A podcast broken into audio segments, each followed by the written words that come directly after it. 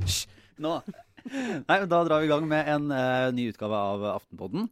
Uh, vi er tilbake i studio. En helt vanlig uh, utgave, rett og slett. Eh, jeg er Lars Glomnes med Trine Eilertsen, politisk redaktør. Hei. Hallo. Og kulturredaktør Sara Sørheim. Hallo. På plass. Ingen gjester, ingen turer ut til distriktene. Eh, ikke noe publikum. En, eh, en vanlig, vanlig torsdag, da, som det er når vi sitter her og prater oss, prater oss inn i det her. Eh, der vi tenkte at eh, vi skal belyse noe som eh, vi hører så masse prat om, og overalt. Mm. Som er det store, store spørsmålet. Rett og slett, hva skal, altså for det første så stiller du spørsmålet hva skal du stemme? Altså f.eks. til deg, Trine Eilertsen. Mhm. Ehm, og det er nå én ting. Uh, og så sier de hva skal jeg stemme? Altså hva, De spør hva de selv skal stemme. Og vi, vi skal ikke gi noen politiske anbefalinger, men uh, vi tenkte å rydde litt opp i dette her. Etter beste evne, da. Fordi uh, jeg må jo bare nå med en gang innrømme at dette valget her er et av de vanskeligste sånn personlig for meg òg. Jeg syns det er vanskelig å finne et parti i år. Og jeg opplever jo at liksom mange rundt meg òg er litt på den derre Hjelp, hva skal jeg stemme? Og jeg ser det kommer også type Senest i går var det Anne Holt som var plutselig ute på Facebook og erklærte at hun nå hadde byttet parti. Altså Det er litt sånn følelse av at folk er litt sånn i drift. Um, Så vi tenkte, Og så er det jo, fins det jo valgomater, og de er gode, altså ta dem. Men ja, ja, først og eh, fremst. Det er, det er, det er et veldig og Les partiprogram hvis Ja, du skal være og sånn ta- helt Ta det gjerne flere ganger, valgomatene. ja, altså min jeg, jeg har jo nå etter hvert innsett at jeg eh, Poenget er jo bare å ta valgomaten til man blir tilfreds med resultatet. Så du må det, du får, ofte- Av og til kan du få feil svar. Da får man i hvert fall en forståelse av hva man, hva man kanskje vil ha.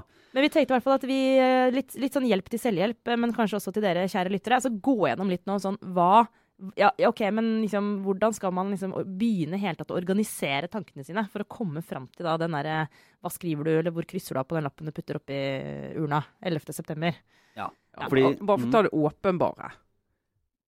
Som alle, som alle voksne sier, men det gjelder jo for det. Du må, må ikke lete etter det perfekte parti. Det nytter ikke. Du Nei. finner ikke et perfekt parti. Det partiet fins ikke. Og det er kun uh, yrkespolitikere som greier å stå og snakke som om de representerer et perfekt parti. Men de fins ikke. Så du må finne et som er godt nok. Ja, og da må du vite liksom hvilke saker som du er mest opptatt av. Eh, som metodikk. Eller du kan selvfølgelig begynne med, med, med sånn likability, da. Hvem vil du ha som statsminister? Men det er litt mer sånn personavhengig. Men du må jo på en måte få håpe jeg liksom at du helst tenker jeg for det for min del da, helst bør jeg også ha litt mer begrunnelse enn det. Jeg må liksom vite litt hvor jeg står. Altså, Hva er det jeg egentlig vil politisk? Det det, det det. Og det er ikke så lett alltid å vite, liksom, særlig sånn som partiene er nå. Ja, men Ja, så er mye, mye av diskusjonen er jo har liksom sett, handler, blir jo mye, sånn, mye spill og, og mye prat om hva de ulike partiene vil, ja, hvordan de vil bevege seg, og hvordan de vil trekke X parti til Y. og så... Uh, og så er det kanskje en måte å diskutere politikk på som fungerer godt for de som har satt seg inn i det. Uh, fordi mange, de som på en måte kan mye om politikk, skjønner hva, hva det vil bety. da. At uh, Venstre vil ha den og den påvirkningen på et borgerlig samarbeid. At ønsket om å tekkes KrF kan ha påvirkning på Arbeiderpartiets politikk. Men for de som ikke har satt seg helt inn i de kodene, så, så er jo det kan være fryktelig vanskelig å forstå. Det er jo, det er jo et fagfelt på mange måter. Uh, hva var det du hadde et, eh, sånn et kunst... uh, du snakka noe sånn kunstprat i stad som, jeg Ja. ikke- som ikke jeg skjønte noen ting av. Nei, men, men det er- synes jeg noen ganger det er lett å glemme. da. Altså Det jeg egentlig driver med sånn ellers på jobben, er jo kulturjournalistikk. Og det særeste man har der, er sånn kunst, kunstspråket. Det er, mener jeg er helt sånn reelt en utfordring. Det er at det er et sånn fagfelt som har så mange koder og så mye sånn hemmelig språk at det egentlig bare, det bare fører til at du stenger folk ute. Og jeg sa et eller annet i stad om at uh, utviklingen uh, Altså freeze- freeze-messa er en utvikling som gjør at det nesten nærmer seg en biennale. Sånne Da ting. satt Trine og jeg bare så uh, dødt ut i luften og gjorde forsiktig nikk og prøvde å, å drepe den samtalen videre. Men uh, nei, altså det vi egentlig tenkte nå, det kommer nok litt tilbake til, til spill uh, etter hvert. Men, men nå er det jo Det er jo tross alt saker som bør være viktigst, og som skal avgjøre. Og så ser vi at mange sier at ja, har det noe å si? Det er, er det ikke så Det blir liksom så likt uansett.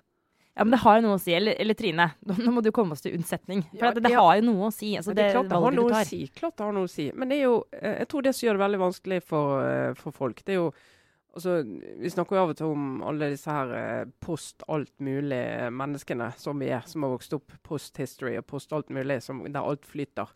Men vi har jo kanskje et sånt ståsted, så du kan si i hvert fall hva side av streken du er på i veldig mange saker. Altså, nå mener du høyre-venstre-streken. Altså, ja. Om du er borgerlig innrettet, eller om du er mer sånn orientert til venstre i politikken. Det er liksom sånn, tror jeg veldig mange i hvert fall kan ha. Men så er det jo, og har det vært lenge, to svære saker som skjærer rett igjennom det, og det er jo klima og innvandring. Skjærer rett igjennom de blokkene. Og det altså de alltid, de, de siste 20-30 årene har jo de liksom påvirket hele politiske bildet. Mens nå er jo de sakene veldig høyt på agendaen. Eh, og da gjør det at folk blir uh, veldig mye mer sånn Det er veldig mye mer krevende å liksom si ja, jeg er i den blokken der fordi at jeg har en, en borgerlig innretning, f.eks. Men jeg er opptatt av innvandring. Og så, men da bare sånn, igjen, hvis du skal ha her, borgerlig innretning, altså en større tro på at enkeltindivider skal ta ansvar for sin egen skjebne. Ja, du er, du er Ja, det, du kan jo godt si at du har eh, og, og, eh, sånn, større tro på private løsninger. At private skal få lov å konkurrere om å løse oppgaver som er offentlig finansiert. Altså du skal liksom Ja. Mer privat, mer individ.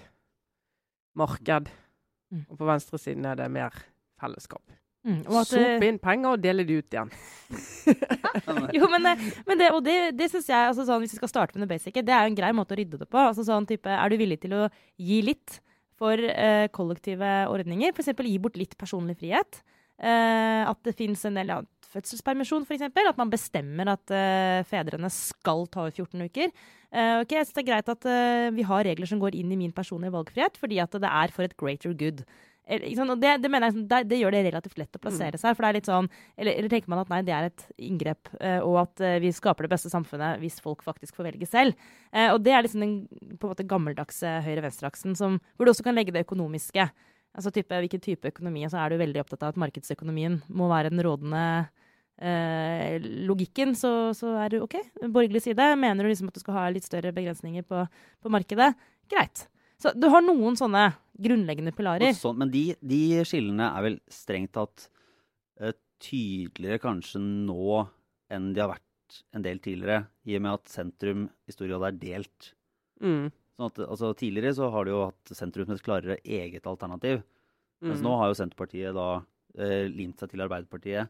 KrF og Venstre har i hvert fall nå brukt fire år på å støtte en, en Høyre-Frp-regjering. Så, så det, er, det er kanskje lettere, hvis du tenker liksom det helt store bildet, så, så, er, eh, så er forskjellene mellom, mellom venstresiden og høyresiden som politiske reelle alternativer i Norge mindre enn det de har vært før. Men de er kanskje klarere.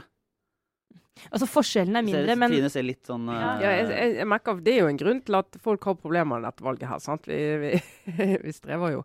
Men ja, ta KrF, da, som, eh, som klistrer seg til Høyre først og fremst pga. verdispørsmål. At det er der de får mest gjennomslag for ting de er opptatt av på verdier. Altså alt som handler om ja, bioteknologi. Husker, vi husker kampen for reservasjonsrett eh, for leger i abortspørsmålet. Eh, der Bent Høie gikk ut og forsvarte KrF. Eh, eh, alle vet at han ikke ville det. Altså Det var liksom den type seire som gjør at de, de legger seg tett opp til høyre, mens de på en økonomisk politikk og på en del sånn velferdspolitikk ligger de mye nærmere Arbeiderpartiet eh, på ganske mange områder. Sånn at Der ser du nok en gang at det der, du har klimainnvandring, og så har du en del sånn verdispørsmål som gjør at det blir litt skurr på skjermen på det der rene, fine blokkdelingen. da, Og det du kan finne i et topartisystem. sant? Ja, og det er jo, Vi trenger ikke å ta den debatten nå, men det er jo gode grunner for altså, Det hadde jo gjort seg. Men noen ganger tenker man noen mann kan ønske seg innimellom et litt mer, litt mer orden på systemet. Ja, men, Men- men, det jo, men, det, men jeg skjønner det. Men det, det er jo bare det at de problemstillingene hadde forsvunnet. Men da hadde du hatt heftige fraksjoner inni si, i Høyre. Da hadde du hatt en eh, distriktsfraksjon, du hadde hatt en, eh, eh, en sånn mot abort-fraksjon, og du hadde hatt en liberal fraksjon. Altså Du hadde liksom hatt alt bare inni partiene. Så hadde det vært eh, mye action der òg. Men de dimensjonene i Norge forsvinner jo ikke. Fordi om partisystemet hadde endret seg. Men tilbake til det vi egentlig hoppa litt fort over, da, som vi må snakke litt mer om, som er nettopp de, de to, altså miljø og innvandring, som skaper liksom rot i systemet. Eh, på miljøtrinnet er det jo ikke så kaos likevel, da.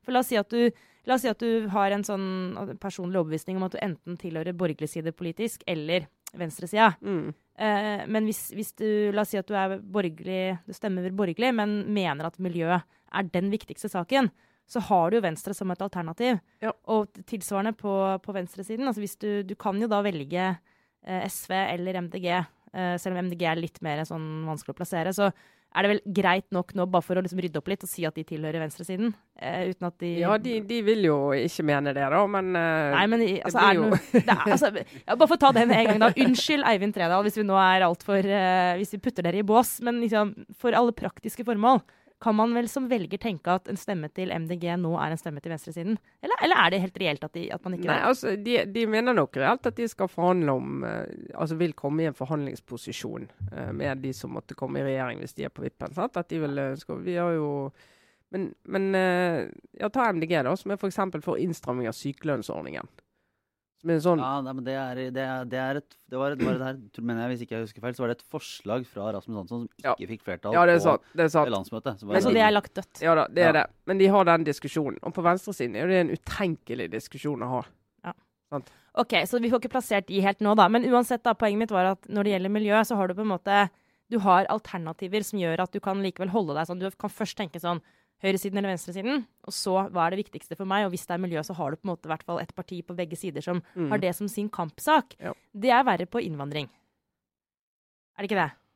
Jo, altså det er jo Hvis, hvis innvandring er absolutt den viktigste saken din, og da er betydningen at du er skeptisk til innvandring og vil begrense den, så er det ett parti. Det er Fremskrittspartiet. Altså, eh, Fremskrittspartifolk, eller de som vurderer det, det er jo av de lettere partiene. Hvis en skal være litt sånn valgomat der. Okay, Hvis du er opptatt av veldig streng innvandringspolitikk, eh, veier og lave avgifter, eh, og legger bare veldig mye til side, så, så finner du fort hjemmet ditt der. Mm. Det er, det er ganske Hvis man tillater det å være litt sånn uh, tresaksfokus. Ja. Men så får du selvfølgelig dilemma hvis du er veldig opptatt av vei i distriktene, Ja. eh, og er veldig mot en sånn sentralisering og markedstenkning. Så kan det jo hende at Senterpartiet, som har en ganske sånn uh, en relativt streng innvandringslinje, vil bygge masse vei uh, overalt, men uh, dytte det ut i landet heller enn å ha det i Oslo. Eh, så, så kan det være andre hensyn da, som må veies opp igjen. Mm. Og så kan du jo si, hvis du er, hvis du er sånn middels eh, streng på innvandring, så er det jo ikke så veldig store forskjeller egentlig blant de store i norsk politikk. Det er mer sånn Nei. hvis du er glad i litt ekstra streng retorikk, så eh, Så tar du et borgerlig alternativ. Ja, så, så, tar, ja, så tar du, kan du ta Fremskrittspartiet, da. Tenk at de strekker det i den retningen. Ja. Men, eh, men den reelle altså innvandringspolitikken Jo, men- i Norge nå er det jo et, et, et bredt, bredt flertall Ja, og det, og det er jo en ting. En er jo at det er et forlik i Stortinget som gjør at den politikken som Listhaug styrer på, er det bredt, bredt, bredt flertall rundt. Men det er jo, hvis du ser på ja, innvandring, hva er det? Det er antall flyktninger, kvoteflyktninger. Der er det jo blant sånn Arbeiderpartiet, Høyre, Senterpartiet Altså, ja. Frp for den saks skyld, som selvfølgelig vil ha tallet ned, men likevel ikke så langt unna det som de store partiene mener. Antall kvoteflyktninger som er, har ligget sånn ganske stabilt. Og så er det jo asylsøkere, men der styrer du ikke antallet. De kommer jo de som kommer, holdt på å si. Men du så kan du gjøre ting for å begrense og bremse strømmen. Og der er jo de store veldig enige om at vi skal begrense strømmen hvis den er for stor. Eh, og det er jo ingen som er sånn vi skal ta imot 100 000, vi skal ta imot 200 000. Altså det, Mm. det er liksom ikke en diskusjon på den måten blant de Men jeg så. Men jeg så da tidligere nevnte Anne Holt, eh, som eh, skrev i går på Facebook at hun byttet parti. Altså hun, hun vurderer nå i hvert fall å stemme SV istedenfor Arbeiderpartiet, som, selv om hun har vært statsråd for Arbeiderpartiet og, og vært medlem der og eh, alltid stemt det før. Eh, da bruker hun innvandring som hovedargument for det Mm. skiftet. Sier at eh, hun vil ha en raus innvandringspolitikk og velger da SV. Men er det egentlig Altså, I retorikken forstår jeg at det Da gir jo det mening. Men vil, vil innvandringspolitikken egentlig sannsynligvis endre seg i særlig grad? Altså om du velger SV foran Arbeiderpartiet? Det, det er jeg usikker på. Ja, altså det er jo SV har jo en uh, Tenkte i praksis, da. Ja, for at det, de har, ja. men SV har jo sittet i regjering med Arbeiderpartiet og hadde jo veldig liten innflytelse på innvandringspolitikken. For utrolig viktig for Arbeiderpartiet at den skulle være stram. Og de, de ville ikke eh, liksom markere seg for langt unna Frp i selve politikken. I retorikken er det viktig, men det er ikke selve politikken. Og norsk innvandringspolitikk har jo beveget seg mer i retning Frp enn Men, men du vil jo se noe av det du vil kunne se det på, ja, selv om det er jo en, en ulik tilnærming. Uh, Ja. Og der også til integreringen. Der, eh, der det vel ikke er noe tvil om at, at SV f.eks. Er, er veldig mye mer på, på gulrotsida enn på pisksida. da. Mm. Hvis du skal det, ta det i forhold sammenligna med, med Fremskrittspartiet, som, som vektlegger en sånn uh, tvinge til integrering. Mm. Uh, vil SV i hvert fall si at det er mer oppmuntret til integrering? I det hele tatt, integrering er jo nesten et viktigere stikkord enn innvandring. Ja, altså, i, hvor villig du er til å bruke ressurser på integrering, bruke penger på det. Hvor mye penger, og hvor tidlig i løpet, holdt på å si i asylsøkerløpet, du skal få støtte til å begynne å integrere deg. Det Mm. er en sånn skillelinje. Eh, Og, og faktisk er det ett felt også hvor jeg tror at retorikk har noe å si. Eh, så er det kanskje nettopp dette feltet, fordi eh, inkludering handler jo også veldig mye om kultur. Altså hvordan vi forholder oss til mennesker vi ikke kjenner så godt fra før. Så det der å liksom ha en, en uh, raus retorikk der La oss si at du, si at du tilhører Altså du ønsker deg en, uh, et flerkulturelt samfunn i stor grad, da. Så vil, jo da, vil jo faktisk den måten da en, eh, en uh, inkluderingsstatsråd snakker på, vil jo kunne prege kulturen og faktisk helt konkret også da påvirke i hvor grad, stor grad vi klarer å inkludere nye landsmenn. Gjennom måten du snakker om det på. Dette blir litt kronglete, men altså eh, Sylvi Listhaugs retorikk skaper jo en annen kultur enn da en tenkt SV-statsråd sin retorikk. Så akkurat der har jo faktisk det noe å si, selv om man som regel liksom, i, når man skal ta et valg, må tenke på liksom, men hva er den realpolitiske forskjellen. Så er det kanskje, kanskje dette et felt hvor det er eh, et poeng å se på hva folk sier også, ikke bare hva de gjør. Det det, Hvis men- dere tok den? Ja. ja. Det, det, det er jo argumentasjonen i stor grad til uh, vært til Jonas Gahr Støre nå i det oppgjøret han har tatt da, med Erna Solberg også, som han mener at, at Høyre har eh, akseptert en retorikk og en utvikling i den norske liksom, offentlige debatten som, som går ja, en helt annen retning enn det Mm. han ville stått for. da. Mm. Kan jeg slenge inn et annet dilemma, eller? Ja. Eh, hvis, vi var, hvis vi var ferdig med innvandring.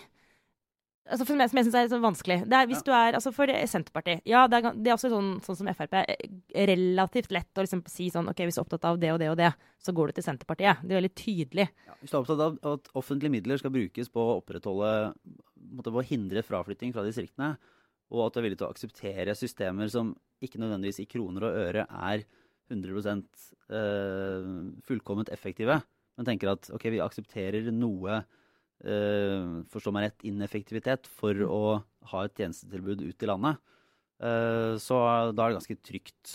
eh, Men hvilke saker er det for dette Nå kommer vi litt inn på det med spill og konstellasjoner igjen, for man må jo ha altså, For det fins jo det òg, selv om vi ikke skal snakke for mye om det. Men det er klart, hvilke saker vil da altså, la, Et eksempel. La oss si at du befinner deg sånn relativt midt i La oss si at man er en lilla-velger.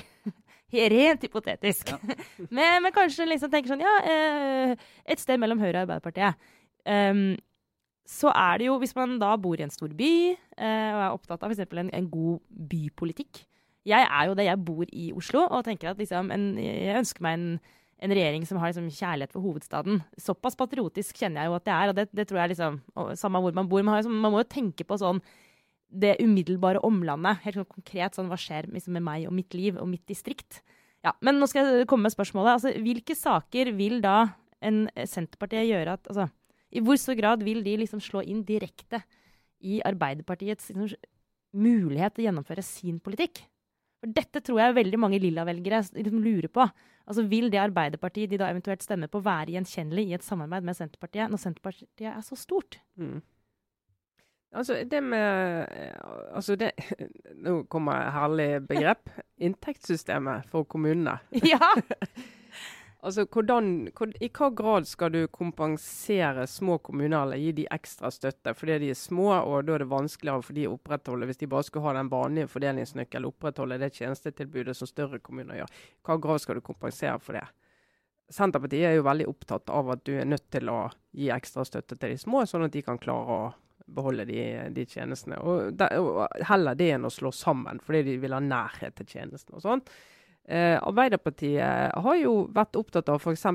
som Høyre, at storbyene har spesielle utfordringer. Mm. Som mange små kommuner ikke har. Både Høyre og Arbeiderpartiet har en viss troverdighet på liksom å være et parti, altså å ha en god Ja, altså, bypolitikk. de forsvinner jo hvis de ikke har en ordentlig politikk for byene. De er så store partier at det må de ha. Så de er opptatt av det. Så det, det, har vært en sånn, det er jo en sånn diskusjon, liksom den litt spenningen mellom by og land på akkurat det inntektssystemet. Og det kan Oslo og Bergen og de andre byene vil jo alltid være misfornøyd med at de ikke får større overføringer til å løse problemer som andre ikke har. Men det kan bli en sånn spenning mellom de to partiene, da, akkurat den fordelingen der. Så er det jo selvfølgelig eh, Altså for, eh, for Ja, men kan man da stemme altså For å være helt direkte, da, kan man stemme på Arbeiderpartiet eh, og samtidig få en god bypolitikk, eh, slik det ser ut nå, med den da eh, sannsynlige konstellasjonen som vil komme ut etterpå? Ja, ja, det, ja, det, tror, ja det, det tror jeg. Altså, Det vil du jo få. Du, du, Senterpartiet er jo ikke sånn at de er mot byer og mot en politikk for byene. og Statsbudsjettene og kommunebudsjettene og alt dette er jo skrudd sånn sammen at du kan jo endre litt, men du kan på en måte ikke rasere Så er det jo en, real, så kan sies er det en realitet som Senterpartiet Eller som de baserer mye av sin politikk på, er jo at ting sentraliseres litt. Um, altså det har man jo sett på tallene uh, egentlig for den rød-grønne regjeringens periode, at, at det er ikke Det er relativt uh, små det er ikke, du, kan liksom ikke, du kan ikke stoppe den sentraliseringa selv om Senterpartiet sitter i regjering. For å si det sånn. Hvis, Mm. om, om de så hadde ønska det, så er det en del strukturelle ting som gjør at folk flytter til byene. Altså det, det er i hvert fall Fram til nå så har det alltid vært, har det vært sånn at de sentrale strøk styrkes. Men du vil jo få, eh, hvis man ser både Høyre og Fremskrittspartiet, da, som er de to største partiene på borgerlig side, har jo eh, i større grad en tanke om at den utviklingen skal Om ikke nødvendigvis skal understøttes, så, så er det ikke noe man skal eh, i like stor grad aktivt forhindre. Altså det ser du på, på det man ønsker for, eh, for inntektssystem for kommuner. Eller skal belønne sånn større kommuner og, og kanskje eh, ja, ikke være så gavmild mot de mindre. Og man ser det jo på landbrukspolitikken, der man tenker at den skal, skal effektiviseres ut fra en mer sånn økonomiske og markedsmessige tilpasninger. Jeg, jeg tror liksom at eh, kanskje vi undervurderer litt eh, at fordi at det at det er et vanskelig valg for mange nå, eh, også skyldes eh, Det skyldes selvfølgelig at for mange syns det er vanskelig å stemme Høyre pga. Eh, Frp. Det tror jeg er helt sånn reelt. At, eh, og særlig jo mer Jo tydeligere Sylvi Listhaug er ute i mediene, jo, jo sterkere blir den litt vonde magefølelsen for ganske mange som kunne vurdert Høyre. Og så tror jeg kanskje vi undervurderer litt at for mange som vurderer Arbeiderpartiet, så er det også eh, ikke på samme måte, men det er også vanskelig å se for seg et sterkt senterparti for mange eh, klassiske Arbeiderparti-velgere. Så det er to sånne faktorer som gjør, som gjør det litt vanskelig, eh, og som jeg tror både Høyre og Arbeiderpartiet kjenner litt på. At det er de, liksom, Partnerne er ikke optimale. Kjernevelgerne er ikke fornøyd med sengepartneren. Nei, det, det er det jo ikke. Og det er jo altså For Arbeiderpartiet sin del, og også Høyre og Arbeiderpartiet er jo på en måte, hva skal jeg si, perspektivmeldingens parti. Mm. Det er liksom de som uh, leser perspektivmeldingen mest nøye og prøver å Du, lage siden vi nå var på litt den der kodespråkbagen, Ja, da må du forklare det. Ja. Skikkelig. Perspektivmeldingen kommer hvert fjerde år. Ja, kommer tidlig tidlig på våren. Eh, og er en sånn innsamling av masse fremskrivinger, vurderinger, kunnskap om hvordan det går med svære, viktige områder i Norge. Helse, arbeidsliv, sysselsetting, utdanning. Hvordan ser det ut i verden rundt oss? Hva kommer til å skje med oljeprisen, oljenæringen, klimaforpliktelser? Så prøve å, å se fremover i mange tiår, og så prøve å si hva må vi gjøre for å klare å opprettholde den velferden vi har nå, i 2050-2060? Hva tilpasninger må vi gjøre? Jeg ser på at de kunne bytte den ut med I Aftenposten så har vi et sånt system der en gang i måneden eller sånt, så kommer sjefredaktøren inn med et sånn værvarsel. Ja. Som er sånn en eh, Det er ikke så veldig mange sånne bare sol, da. Men du kunne hatt det der på hvert område. Så har du en sol, eller en sol med en sky. Ja. Eller som man litt for ofte kan se, så er det en sånn skikkelig mørk sky med masse, masse regn og litt sånn lyn og, og torden og sånn. Uh, for da de områdene i norsk økonomi Ja. og ting som ses framover. Dette er jo klassiske liksom, styringspartienes eh, eh, verktøy. Ja. Fordi det er liksom lang sikt og, og liksom lang retning man ser. Ja, det er jo der man ser. Og det er, da, det er jo da du kommer inn på den der eh, sånn, Hva skjer med oljeprisen og oljeinvesteringene? Mørk sky. Mørk sky. Ja. Hvordan ser det ut? Hvordan går, det- altså, hvordan går med utenforskapet? En svær sak i dette. sant? Klarer vi å sysselsette innvandrere? Hva gjør vi med disse unge mennene som faller ut og ikke kommer i jobb? Altså, og, og det, I denne meldingen så regner du på hvor mange timeverk du mister på det. Hvor mange flere eldre blir vi? Det vet vi noenlunde. Og hva kommer det til å koste? Det vet vi noenlunde. Og hvis du da skal øke kvaliteten litt på omsorgen, så vi regner med at sånne som også våre foreldre vil forvente, hva vil det koste? Og hva må skje da i vårt samfunn frem mot det? Og Det er sånn som typisk Høyre og Arbeiderpartiet er. Ja, altså De sitter ordentlig med perspektivmeldingen i hånden når de lager program. Og noe annet ville vært helt katastrofe. De er nødt til å gjøre det. Uh, og, det, og, det, er da det kommer inn den der hvor, villig, hvor villig er du til å gå inn og møte de endringene, eller det du ser for deg der med f.eks. endringer. Erna Solberg hun gikk jo til valg forrige gang på å si, si, det at vi ser at dette kommer. Altså trendene. Det er jo ikke noen voldsomme nye ting. Uh, vi har sett forrige perspektivmelding, den som kom uh, før valget i 2013, og sier jo dette er jo en forsterkning av den, på en måte. Uh, og sier det at, uh, gikk til valg og sa det at vi må ha omstilling av Norge. og Vi kan ikke være så oljeavhengig. Gikk jo hun til valg på den gangen. Vi er nødt til å gjøre noe med utenforskapet. Noen tre sånne basale ting. sant? Omstilling pga. klima, oljepris og alt det der. Og så må, må lage, sette i gang alle disse reformene for å gjøre det. Mm. Og det, Forventningen fra Arbeiderpartiets velgere er jo at Arbeiderpartiet er et sånt parti. Men de går inn på en litt annen måte og sier vi skal også svare på de utfordringene. Vi mener det er ikke nødvendig med disse svære reformene. Vi kan gjøre det mer sånn gradvis, sånn som vi er vant til å gjøre det. Og vi kan eh, eh, vi må øke skattene litt, for vi ser at eh, vi må dekke noen hull. Og så må vi liksom være innstilt på at det, sånn må det være. da. Mm. Men akkurat denne forventningen til de store må ta det ansvaret, det er den, for, for, de velgerne som syns at det er viktig, så ja. Og så er det altså helt grunnleggende Derfor er det de to partiene som mange ja, som nordmenn flest da, rent sånn matematisk uh, stemmer på. Mm. Uh, og, og, der det ofte sies at ja, det er veldig vanskelig å se forskjellen eller forstå hva som, er, hva som egentlig skiller. Men der er det jo et litt sånn grunnsyn da, ja. som, som, uh, som legger på i møte med de utfordringene. Så, så, er det jo da at Arbeiderpartiet vil ha i større grad måte, fellesskapsløsninger mm. og styrke det offentlige. mens Høyre da vil Altså de, de er jo fortsatt stødig støtter av det offentlige, men vil ha mer privat initiativ, også ja. inn i det som er sentrale velferdstjenester. Ja, og så mener jo høyresiden, om du vil, at det er rom for å effektivisere offentlig sektor, sånn som de gjør i alle andre bedrifter og organisasjoner. At du sier at vi må kunne snu mer på kronen og kunne flytte penger. Hvis du begynner med noe, så må du vurdere om det er noe annet du skal slutte med før du begynner med det. Og så må du kunne bruke en del av de frigjorte pengene til skattelettelser skattelettelser til folk og si at du kan bruke mer av pengene dine sjøl. Til bedriftene, i håp om at de da bruker mer av de pengene på å investere seg for nye arbeidsplasser. Mm. Uh, og så, Det er en sånn diskusjon. Og så får jo de selvfølgelig nå bli beskyldt for at uh, ja, det er jo lett å ønske seg det når du bare hver gang du starter noe nytt, så kutter du ikke noe, du bare bruker oljepenger. Ja. Og det er jo en uh, interessant for der har jo virkelig ingen norske partier, verken Arbeiderpartiet eller Høyre, sånn og så sier, sier jo da uh, SV og Rødt og, og deler av Arbeiderpartiet at den effektiviseringen til Høyre og Frp uh, det er på en måte Effektivisering kan jo alle si seg uh, være enig i at det er lurt. Det er jo bare positivt. Det er jo ingen som er mot effektivisering sånn egentlig. Men de mener jo da det går på bekostning av uh, også måte, rettighetene og behovet for, for, vilkårene til de som jobber i offentlig sektor, da, f.eks. Da du ofte kan bytte ut ordet e, effektivisering med rasering. altså, for, ja, altså, rasering men, men, men, det er jo et veldig viktig som med ståstedet. Her står du når du ser på f.eks. en sånn endring. Står du og ser på altså, Vi var en sånn diskusjon før forrige år, men disse langturnusene innenfor uh, omsorg, uh, omsorgstjenester for uh, psykisk utviklingshemmede eldre. Sånn, ja. Om de kunne ha at du var på jobb i en uke, og så var de fri i 14 dager. Sånn som du har i Nordsjøen. Eh, og da eh, var det jo Hvor så du det fra? Så du det fra perspektivet til pasienten? Hva er best for pasienten? Hva trives pasienten med, og brukeren med? Jo, de trives med det, da må vi gjøre det. Eller ser du fra ståstedet til de som jobber der, og sier at ja, men eh, det vil bli vanskelig for de etter hvert, og det er så mye press på å jobbe ubekvem arbeidstid, og det, det, kan vi ikke gjøre. Og da er logikken at hvis de ansatte ikke trives, så vil du etter hvert få dårligere ansatte. Ja.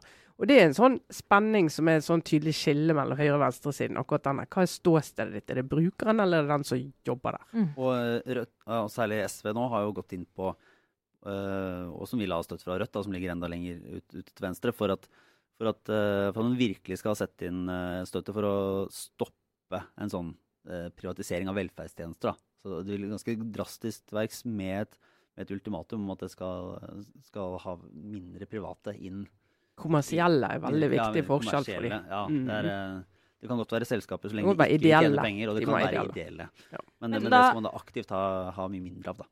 Unnskyld jeg fada ut litt. Det er jo siste dag i transfer-vinduet i Premier League i dag. Så jeg prøver desperat å forholde meg og tenke på eh, det norske valget. Men det kommer noen sånne hastmeldinger inn her nå om hva som skjer med Liverpool. Så så- jeg må legge sånn- bort telefonen. Ja. Og sånn er valgkampen. For man kan ikke drive og sitte og, sitte og vurdere det her hele tida.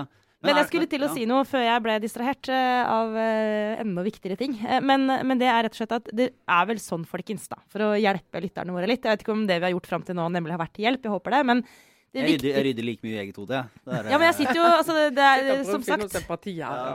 er det er vel ingen av oss som er litt sånn Altså, jeg får ta det først før vi kommer til oppsummeringen. da. Altså, Er dere helt sikre på hva det skal stemme? Nei. Nei. Nei, Ikke jeg heller. Jeg er ikke det. Nei. Men jeg vet jo hva universet jeg beveger meg i. Altså når vi snakker om streken. Det gjør jeg jo. Gjør du, Lars? Ganske trygg på. Eh, ja, ja, det nå Ja, det er nok nå. Ja, ja for det jeg skulle til å si, ja, så tror jeg vet sånn Jeg klarer å plassere meg. For, det, for det, når du kommer til stykket, så må du finne ut av den derre eh, Du kan bruke den med liksom eh, høyre-venstre-aksen. Fungerer jo fortsatt til å plassere deg liksom på borgerlig eller på borgerlig Mm. side eller på venstresiden. Når du tenker på det med liksom, i hvor stor grad ønsker man liksom, løsninger som er liksom, basert på det, kollektiv, det kollektive, og i hvor stor grad ønsker man løsninger basert på det individuelle. Det gir fortsatt mening å ta utgangspunkt i det, gjør det ikke det? Jo, jo, og så er det jo og så er det jo litt, Norge er jo litt spesielt da, for det er klart det at eh, det er jo virkelig samling i, i sentrum på en del av de, den aksen som er utrolig sånn sterkt, skiller sterkt i en del andre land, så gjør det ikke det i Norge. Hvis du ser hva høyrepartiene i Norge vil ha for størrelse på velferdsstaten og alt som er gratis. Bare, den an, ja, an, egenandelen vi har i Norge er jo nesten ikke-eksisterende sammenlignet med mange andre land. Vi har råd til det, vi har mulighet til det. og det er men det er ikke en, egentlig en diskusjon om det heller. For øvrig en diskusjon som perspektivmeldingen både forrige gang og denne gangen varsler at den kommer til å komme. At vi er nødt til å diskutere om vi skal ha økt eller Kan jo egenandeler. fortelle lytterne våre at når jeg kom bort til Trine på plassen hennes i stad, så satt hun faktisk og leste eh, papirperspektivmeldingen. altså den NOU-en, den derre lefsa, altså den, hva skal vi kalle det for noe, den tjukke boka som er perspektivmeldingen. Da kjente jeg en sånn blanding av litt sånn Herregud, har du ikke noe bedre å gjøre på jobben? Og litt sånn derre Gud, du, er, du elsker virkelig dette, du. Men Dette skal er jeg liksom kan innrømme hva jeg gjorde lørdag kveld? Da satt jeg og så på Stjernekamp med min sønn og leste et kapittel i perspektivmeldingen samtidig. Ja. Trine Eilertsen, jeg jeg tenner et lys for deg. Ja, men den må, den må lese med jevne mellomrom. Veldig, veldig mye interessante data og resonnementer der. Vi skal egentlig vi skal avslutte her og gå videre til litt eh, eh, spalter, nå som vi Ja. er tilbake i studio. Men eh, bare helt kjapt. Fordi det man ser nå da på, på meningsmålingene, og det kommer en, en rykende fersk en i Aftenposten også i dag, torsdag, men de kommer jo hver dag, så dere kan sammen. Men det, det man jo ser, er at eh, velgerne sprer seg jo utover. Altså, de, altså På den siste målingen vi har nå, så er alle måte, småpartiene unntatt Rødt ligger over sperregrensa. Mm. Uh, og det som det virker som mange gjør, er jo at de, de stemmer på et parti sånn Eller det, det kan virke sånn. Enten så er det fordi at de faktisk er mer tydelige enn det de store partiene er på hva de ønsker, eller så velger de seg en sak og et område, og så tenker de at OK, jeg vil stemme SV for å trekke Arbeiderpartiet i en retning enten det er bort fra KrF eller inn mot enda eh, hardere fronter mot eh, privatisering. da. Eller at de stemmer Fremskrittspartiet ja, altså De gjør det jo bra nå eh, og har jo vært et stort parti. Så det er kanskje litt sånn feil å ta inn. Men for å, for å sikre en hardere eh, innvandringspolitikk, eller for å, for å trekke Høyre i retning av enda større skattekutt Og så er det en på det er riktig måte å stemme på, syns du, Trine? Eh, altså Det med å stemme litt sånn taktisk, det tror jeg det blir veldig komplisert. Og så tror jeg du kan bli veldig skuffet, for du vet ikke på forhånd hvilken sak partiet ditt vil forhandle vekk når de kommer i regjering. Altså Du kan være sikker på at Venstre og KrF og SV og eh, MDG og en del av de ikke vil forhandle vekk Vesterålen-Lofoten. Eh, og så er det EU EU-saken. de to ligger der. Det kommer, de kan du være sikker på. Men resten, alt er jo forhandlingsbart. Tenk deg eh, Fremskrittspartiet som forhandlet vekk eh, nesten hele sin sjel i i regjeringsforhandlingene. Bompenger, stem på de du er drittlei av bompenger og bor uh, ute i distriktet og skal, må pendle inn til byen hver dag. Fikk ikke noe hjelp eh, av å stemme Frp da. Sånn. Så det, det kan du ikke vite. Så jeg tror du må liksom bare tenke at greit, dette er min, uh, min viktigste sak. Altså For meg, f.eks., som har en liten førsteklasse, førsteklassing, så merker jeg at interessen for skolepolitikk er, har økt med 300 på få måneder. Altså virkelig hører etter alt partiene sier om skole. Hva skal de gjøre med de små? Eh, hvordan skal vi sikre at disse her eh, er der de skal være når de går i 3.-4. klasse? Har du forstått forskjellen? mellom Arbeiderpartiet og Høyre? ja, jeg har forstått forskjellen. Og jeg er veldig sånn spent på de 3000 lærerne Arbeiderpartiet har lovet at de skal finne blant flyvertinner og overalt de som er utdannet lærer og ikke jobber som lærer. Hvordan de skal lokke de over til, til skolen. da. Kort fortalt så er jo da at, at venstre, venstresiden vil ha uh, flere, flere, lærere. Mm. Uh, og Høyresiden vil ha bedre lærere. Ja. Altså mener at Høyresiden mener at de kan videreutdanne eller stille strengere krav til de som er lærere. Ja, hvis du skal virkelig sette det på spissen, så er det flere mot bedre. Men det er selvfølgelig ja. Igjen, eh, du kan, ikke, du kan, ikke, si at Arbeiderpartiet bare vil ha flere lærere. De vil jo også ha og det er jo, jo, skal jo gi norske partier, da. altså Arbeiderpartiet har jo tatt inn i seg en god del av den uh, delen av norsk, Høyre sin skolepolitikk som uh, åpenbart var riktig. Altså videreutdanning av lærere, eller Venstre sin egentlig. Det var faktisk Venstre sin skolepolitikk eh, videreutdanning av lærere. og liksom, De vil ikke gå til valg på å liksom kutte i det. Eh, og så må vi liksom den Diskusjonen om tidlig innsats er jo blitt eh, veldig svær. Eh, nå er det plutselig blitt noe alle partiene eier, og ser at det er jo åpenbart riktig å bruke pengene tidlig fremfor seint. Eh, men det var ikke noe vi snakket mye om for noen år siden. Vi snakket kun om kvalitet, og hvordan skal vi få opp kvalitet, hvordan skal vi lære folk men det er så vittig med politikk, for at eh, vi er jo Lars, og alle vi her i, i Aftenpodden er jo mye mer eh, enn vanlige folk uh, opptatt av politikk, vil jeg tro. Men likevel så merker jeg sånn, for mine barn de er, går i barnehage, så når du prater om skoletrinnet, så bare, blir bare fader helt ut. Eller sånn, sitter og nikker og følger på. Jeg, mm. intellektuelt sett, da, eller jeg, jeg, er jo opptatt av skolepolitikk. Virker, altså faktisk For meg er det med fellesskolen en kjempeviktig verdi eh, sånn, i for det norske samfunnet. Men i praksis så merker jeg liksom at selv, selv, om man prøver å følge med profesjonelt på politikk, så er jo man seg selv nærmest. Altså. Jeg er mye mer opptatt av barnehager enn av skole. Mm. Og sånn er det jo. Og det må man kanskje bare tenke at det, ja, det, det er greit. greit. Det mener jeg er helt greit. Å si det at okay, jeg er i en livsfase der jeg er utrolig opptatt av dette. Og, og, og så er det jo sånn med oss, da. Vi skifter jo livsfaser. Så du kommer til å kjempe for en annen sak om noen. Altså, og det er jo et eller annet sunt med det. Så eh, de viktigste sakene, og så finnes det et parti som har en ånd du liker. Ja, for du begynte med å si det finnes ikke noe perfekt parti, eh, så liksom, det gjør det ikke. Men bare å men finn det som ligner Finn det som er minst ille. Uh, og så stem på det partiet du faktisk er mest enig med, ikke den konstellasjonen du tror at det kanskje kommer til å bli, fordi det er liksom det altså, altså, er umulig å vite. En liten sånn kjepphest til. Det er mange som har sånn Nei, jeg kan ikke stemme på det partiet, for han og han er en idiot, som er politiker i det partiet. For det første så er mange av de som ikke er idioter, hvis du bare får snakke med dem. Og for det andre så er det ikke det som avgjør om vi får god politikk. Altså det er ikke folka, det er partiet, mener du? eller? Ja, jeg mener vi skal stole på at det er programmet. Programmet. programmet. Stol på programmet, ikke på folket. Jeg, jeg vet ikke om jeg kom så mye nærmere en slags fasit, egentlig. Andre alternativ er jo bare å tenke jo, sånn stereotypiene av alle partifolka. Så tenker du, Hvem er det du har lyst til å være? Nei, men vet du hva jeg kjente nå? men jeg, jeg kjenner faktisk helt Dette er liksom, som sagt hjelp til selvhjelp. Jeg følte nå, Men jeg har vært veldig sånn Jeg har vært, jeg har vært så langt inne i sånn samarbeidskonstellasjons eh, sånn noia. Så nå, men nå kjente jeg sånn her, vet du hva, kanskje bare gå back to basic. Bare legg bort. Bare tenk sånn hva, Hvor er det jeg står? Eh, hva slags, altså hva, sånn verdimessig sånn Herregud, kanskje jeg bare skal bare tenke at jeg bare skal, bare skal stemme på alt jeg har stemt på likevel. Men altså, liksom, sånn bare ikke tenke så mye på hva hvis.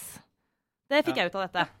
Ja. Men eh, nå, ikke, Vi klarte ikke å fatte oss akkurat i korthet eh, om dette her heller, altså, skal Nei. jeg si det. Men eh, vi, først har vi et, et gjensyn med en, en, vår favorittspalte, som vi bare er altfor dårlig til å opprettholde. Nemlig et godt, men ubekreftet rykte. Ja. historier fra, fra, fra, bakrommet som alle har til felles at de er helt sanne.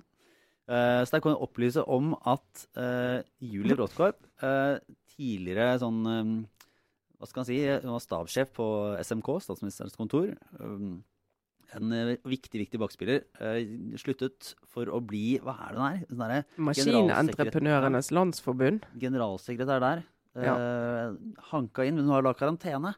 Uh, og nå har hun blitt utdannet uh, neglekunstner, ifølge bilder lagt på Facebook. Så det er mulig, hvis hun er virkelig lite travelt, så er det mulig å gå dit for å få seg en manikyr. Ja. Uh, men vi har litt obligatorisk refleksjon, eh, fordi vi tenker jo av og til på andre ting. Ja. Uh, Sjokkerende mye på andre ting, egentlig. men, men ja. i dag er en veldig spesiell dag. Det er ikke bare det at det er siste dag i transfervinduet i Premier League. Det er også faktisk 20 år siden prinsesse Diana døde i dag. Mm. Det er jo en helt uh, det, er, det, er for, det, er, mye mer relevant enn sånn uh, for meg hukommelsesmessig. Liksom, hvor var du når Oddvar Brå Brakstaven? Litt fordi jeg var tre år også. Men altså, hvor jeg var da jeg hørte om den uh, altså for akkurat 20 år siden, da jeg hørte om den ulykken, det glemmer jeg nok aldri. Det, det husker jeg veldig godt. Er det med dere? Absolutt. Husker jeg veldig godt. Jeg var faktisk her i Oslo. Og hadde, jeg hadde vært på fest dagen før. Jeg må jeg si jeg ikke Jeg husker bare eh, liksom etterdønningene. For jeg var, eh, jeg var Jeg hadde vel ikke noe sånn veldig nært forhold til henne, egentlig. Eh, I likhet med veldig veldig mange andre som, egentlig, som strengt tatt var ganske langt unna den britiske kongefamilien. Ja. Men, uh, men jeg husker jeg var ordentlig frustrert fordi det gjorde at, uh, at Arsenal mot Liverpool ble utsatt en, noen dager etter. Ja, det, er jo, det der er jo det, det, har- det satt, Det satt dype satt spor. dype spor. Ja, du glemmer det aldri. Akkurat Nei. da. Nei, altså, jeg vokste jo opp Jeg var jo sånn eh, 12-13 år da hun kom inn på arenaen som drømmeprinsessen. Og, og jeg og alle venninnene mine vi hadde sånn Diana-bluser med litt sånn høy rysje her, med sånn rød velursløyfe i halsen.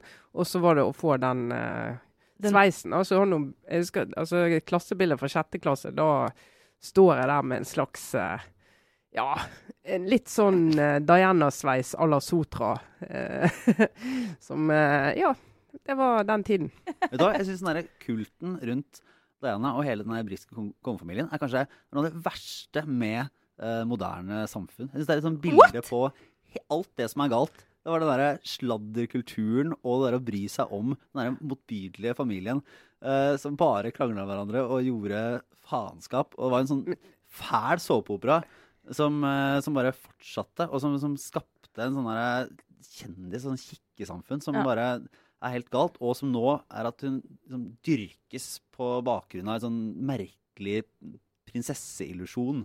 Som en sånn overmenneske Ja, men dette er ikke noe som man har funnet på, Lars. Det skjedde jo i virkeligheten. Altså, for det, den obligatoriske refleksjonen da, altså, Nå har jeg nemlig tilbrakt litt tid med å se på en del sånn Diana-dokumentarer. Det er mange som er ute nå. Og det, hadde, man liksom, hadde man funnet det på, ja. Men altså dette eh, dramaet. Lars. Du er jo sånn journalist. Du må jo ikke, du må liksom, altså, det, du må bare fortape deg i denne historien, dette dramaet. Selv 20 år etter. Så er det jo helt sånn gåsehudfremkallende. og Liksom, altså, både hennes historie isolert sett, men også, som du er inne på, den britiske kongefamilien og det britiske samfunnet som hadde utviklet seg til, også for 20 år siden, et relativt moderne samfunn med en sånn helt en steinalder eh, gjeng på toppen der, med, med gamle sånne eh, tradisjoner og måter å gjøre ting på som liksom ikke hører noe sted hjemme. Men som jo gjorde Altså hele det går jo egentlig ned til da eh, dronningens reaksjon på Dianas død, og det at hun ikke liksom snakket til folket, at hun holdt seg til protokoll. Jo, men det er, sånn der, det er som mennesker inne i et sånn akvarie. Det blir sånn Jo, men- Gjøre dem til objekter for hele verdens sånn eh, i, At folk skal drive og, og se på dem, og folk som ikke har Altså, de har ikke noe Det er en sånn der en kongefamilietradisjon der de ikke har noe valg. Og Men så skulle det man bare latt det være? Ja, men- Ja, men, da, men det går jo an å bare slutte, da, hvis de, hvis de plages av det. Og det er jo ikke tvil om at en del kongelige altså De er jo avhengig av at eh, pressen er opptatt av dem. Og en viktig måte og grei metode å gjøre det, er at du har nytt antrekk hver gang du viser deg. Så får du et bilde i avisen. Det er jo kjempebra. Det er også å drive valgkamp og kysse sjøløver. Du må Ja, gjøre, ja, det- gjøre ting som gjør at du blir fotografert. Ja, men Det blir ikke noe bedre at de bygde opp under det selv, da. Men, men det er bare ja, nei, jeg har, Ok, Men faktisk er det én ting jeg kan være enig med deg i, Lars. Fordi det, og det er en sånn press, mer sånn presseetisk eh, debatt. Men eh, en av de dokumentarene som er ute nå om Diana, eh, for lik det eller ikke lik det, er en fascinerende historie, da. Det kan man i hvert fall bli enig om, tror jeg. Altså, eller, ja, ja. Og drama, det er jo selvfølgelig Det er drama. Men den ene dokumentaren er basert på da opptak som hun gjorde til sin Det var en sånn eh, taletrener. Altså hun skulle øve seg på å snakke i offentligheten og, og, og bli filma også opp på TV. Og da satt hun og snakket tilsynelatende helt sånn eh, uten filter. Uh, og det er noen sånne opptak som har ligget uh, i 20 år i boksen hjemme hos han, eller i en kasse hjemme hos han, uh, denne, denne taletreneren. Og, og det er nå blitt offentlig, og de teipene der de er nå blitt en dokumentar. Og der snakker hun liksom helt helt åpent om veldig private ting, og om, om Charles, om utroskap, om ungene sine. Og, og det du ser egentlig der, altså det, det, synes jeg- det jeg faktisk er litt sånn i, i grenseland. For det første fordi det aldri sannsynligvis var ment for offentlighet, og hun eh, på en måte, det er fortsatt, altså Hennes barn er der fortsatt, og det å liksom måtte se moren sin så avkledd, da. Eh, noe annet er at hele henne altså jeg tenker sånn, For, for en, for en, en bortskjemt liten drittunge i liksom en prinsessekropp. Mm. Altså rett og slett. Altså, hun er bare tenker sånn eh, Det derre offer altså, hun, Hvis jeg er litt slem, da, Altså er det litt sånn at hun spiller offer og spiller uskyldig, men altså, hun liksom ikke, fremstår ikke spesielt eh, eh, som hel ved, må jeg vel bare si. Så det er liksom, ja. Det er nesten dårlig gjort mot Diana å slippe ut de teipene der. Ja. Ja, nei, men det er, det er jo Nei, jeg vet ikke. Den, uh, vi, får, vi får bare fortsette Men jeg, jeg kan bare si, da, vi skal slutte med dette også, men, jeg men eh, jeg husker at jeg fikk faktisk da som den, den, den nyhetsmennesket jeg var allerede for 20 år siden, så var det egentlig eh, Altså i dag er det 31. august, og det var jo natt til 31. august hun døde. Og jeg kom hjem ganske sent på kvelden den 30. august. Og da hadde jeg nemlig vært i Oslo og sett Titanic på kino. Eh, for det, den gikk da, og hadde grått så utrolig mye. Jeg grein og grein, grein hele veien hjem. Jeg var, sånn, grine, jeg var sånn verste sånn, grinealder, så jeg var helt sånn i sånn psykose. Fordi Titanic Det var sånn- Leonardo Titanic gikk ned. bare- Titanic hadde gått ned, så jeg var helt sånn emosjonelt vrak. Det var bare 100 90-tall, denne- Det var så denne- det, det døgnet ditt. Ja, så jeg kom hjem, og så eh, skrudde jeg på tekst-TV. Nettopp. Eh, og på tekst-TV sto det at prinsesse Diana hadde vært i bilulykke, og at det var meldinger om at hun var død. Så det var liksom sånn, og så mener eh, bare en liten sånn eh, hyllest også til tekst-TV som nyhetsmedium. Det var, jeg kommer aldri til å glemme. Uh, du, jeg vet ikke, Hvis ikke du har kommet på en, Jo da, jeg har en ting jeg går og tenker Ja. på, men du, du sa jo det så, at du tenker på andre ting enn politikk. Jeg gjør jo ikke det. Nei. Så det er jo helt Jeg var så vidt innom friidretts-VM, for det syns jeg er gøy å se på. Men det, det er vi jo ferdig med. Eh, så det vi, skal vi ikke snakke om. Men, Det er liksom to uker ja, siden. det er så lenge siden. Og det var, det var liksom my guilty pleasure i, i valgkampen. Så jeg ser ingenting an på TV. Gjør ingenting. Bare leser perspektivmeldingen og holder på. Men det jeg har grublet på eh, siste dagene, eh, litt, hatt litt, litt sånn diskusjon med kollegaer, det er hvordan det skal gå eh, med oss hvis eh, Arbeiderpartiet faktisk er inne i en sånn trend som mange av de andre europeiske sosialdemokratiske partiene, eh, som har eh, mistet i stadig større grad relevans. Altså, eh, det ønsker vi oss ikke. Vi ønsker oss ikke at det sosialdemokratiske partiet i et land eh, forvitrer. Mm. For, eh, og Der er jeg faktisk enig med Bjørgulf Bråen, som skrev en leder om det i Klassekampen denne uken. hvor han eh, egentlig stilte spørsmål ved hva vi så for oss hvis eh, fallet til Arbeiderpartiet fortsetter, og hva type politisk landskap vi ser for oss da. Det er ikke et landskap sånne som jeg som leser perspektivmeldingen, eh, ser lys på. Det må jeg bare si. Så eh, jeg skal lese mer om det. Jeg må gruble mer på det. Eh, Bare, bare slutte meg til bekymringen. Eh, ja, da, det, var, det var det hjørnet. Jeg har uh, på, på en litt sånn uh, Live the jeg myth. Ja. nei, men jeg, kjenner sånn, jeg blir så glad når jeg tenker Trine, takk for at du uh, gjør eh, de greiene der, så at vi andre kan se på TV eller gjøre andre ting om kvelden. Og så vi, vet vi likevel at noen bekymrer seg for eh, den norske stats økonomi, eh, og for eh, perspektivmeldingen og dens ting og tang. Ja, takk, Trine. Men eh, nei, for jeg, min bare helt uh, kjappe, egentlig, var Jeg har begynt å se på en ny TV-serie.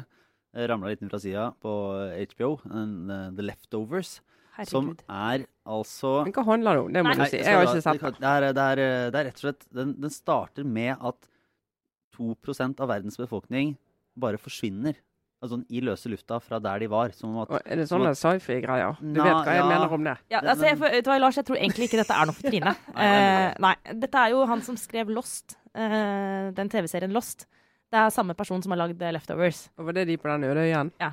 Ja. Og den har et sånt den er, Unnskyld, nå tok jeg over din OR. nei, Jeg, bare, var- jeg ser var- på den også, skjønner også, Det var du. interessant, og det var, ja, for det var, derfor det var et poeng. For du har jo også sett og kommet lenger enn det jeg har. Og det som er, at disse folkene blir jo helt gale uh, på litt forskjellig vis av en sånn uforklarlig hendelse.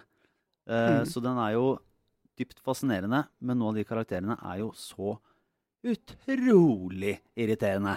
Fordi Nei, fordi at de mister jo helt De er så eh, menneskelige. Ja, de, de blir veldig veldig menneskelige, og så mister de jo helt eh, Det er et eller annet med at de har verken eh, mister liksom bakkekontakt og følelsen med omgivelsene når noe som ingen i hele verden kan forklare, skjer. Ja. Altså, det det- jeg liker med det du, vet du hva, dette, dette bare, Jeg bare eh, ber deg om å tro meg, Trine. At hvis du tar en sånn eh, helt, helt eh, bisarr hendelse, noe som er overnaturlig, eller noe som tilhører en sånn fantasy, sci-fi ikke sant? Yes, Arbeid, Arbeiderpartiet på 5% Ja, ja. Tenk deg det. Ja, hvis du tar en sånn helt freak ting og putter inn i en ellers eh, eh, eh, hverdag som er altså, eh, ellers helt realistisk historie, så kan du egentlig få effekten der kan bli på en måte mer virkelig enn en sånn klassisk sånn mm, dokumentaraktig serie. Fordi det som jo skjer i Leftover, når det skjer du tar den ene hendelsen som er helt crazy, men reaksjonene etterpå er jo veldig realistiske, egentlig. Og det menneskelige dramaet er jo det som er drama. Det er det overnaturlige greiene egentlig bare som en slags sånn kickstart på hva som skjer med oss mennesker når vi blir utsatt for noe som er helt ekstremt. Og det er jo det som gjør den serien bra. Så det er jo ikke det overnaturlige som gjør serien bra, det er jo det, egentlig det realistiske elementet som, Ja. som liksom er det som gjør at vi følger med. Foreløpig så er ikke det overnaturlige veldig tilstedeværende. Det blir litt verre. Det Blir litt verre. Ja, det Ja. Nei, men altså, jeg er åpen. Ja. Ja, da. Nei, men jeg kan Ja. anbefale den. Altså, du gjør vel det du også, også, ja, Lars? jeg gjør det, i hvert fall, uh, i hvert fall fordi det er noe å snakke om. Så, så jeg har uh, jeg, skal, jeg skal se om jeg til slutt bare blir for frustrert. Men det er jo noe interessant i møte med den liksom, frustrasjonen, så lenge prestasjonene er gode. Nei, det er nå føler jeg jeg er på terapirom her. ja, ja, ja. Kanskje det er på tide å slutte. Jeg tror det. Fra, fra terapirom fra ende til annen. Nei, men eh, Da takker vi vel for oss for eh, denne gang, Trine og Sara, jeg og Lars. Og så er det eh, Vi må annonsere på Facebook-siden vår. Ja. Eh, hvis du har kommet så langt, så er det bare å logge seg inn og følge med, for der deler vi ting som er interessant. Vi må tease den neste gjesten vår, syns jeg. Og så eh, kommer vi med en, eh, en spesialutgave. Det er rett og slett igjen med Siv Jensen, finansminister. Siv Jensen spesial. Finansminister spesial.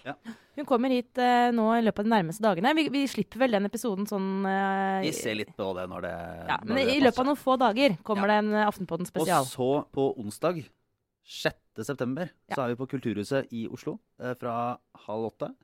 Eh, det ser ut til å bli masse folk. Kjempegøy. Eh, Kom, kom.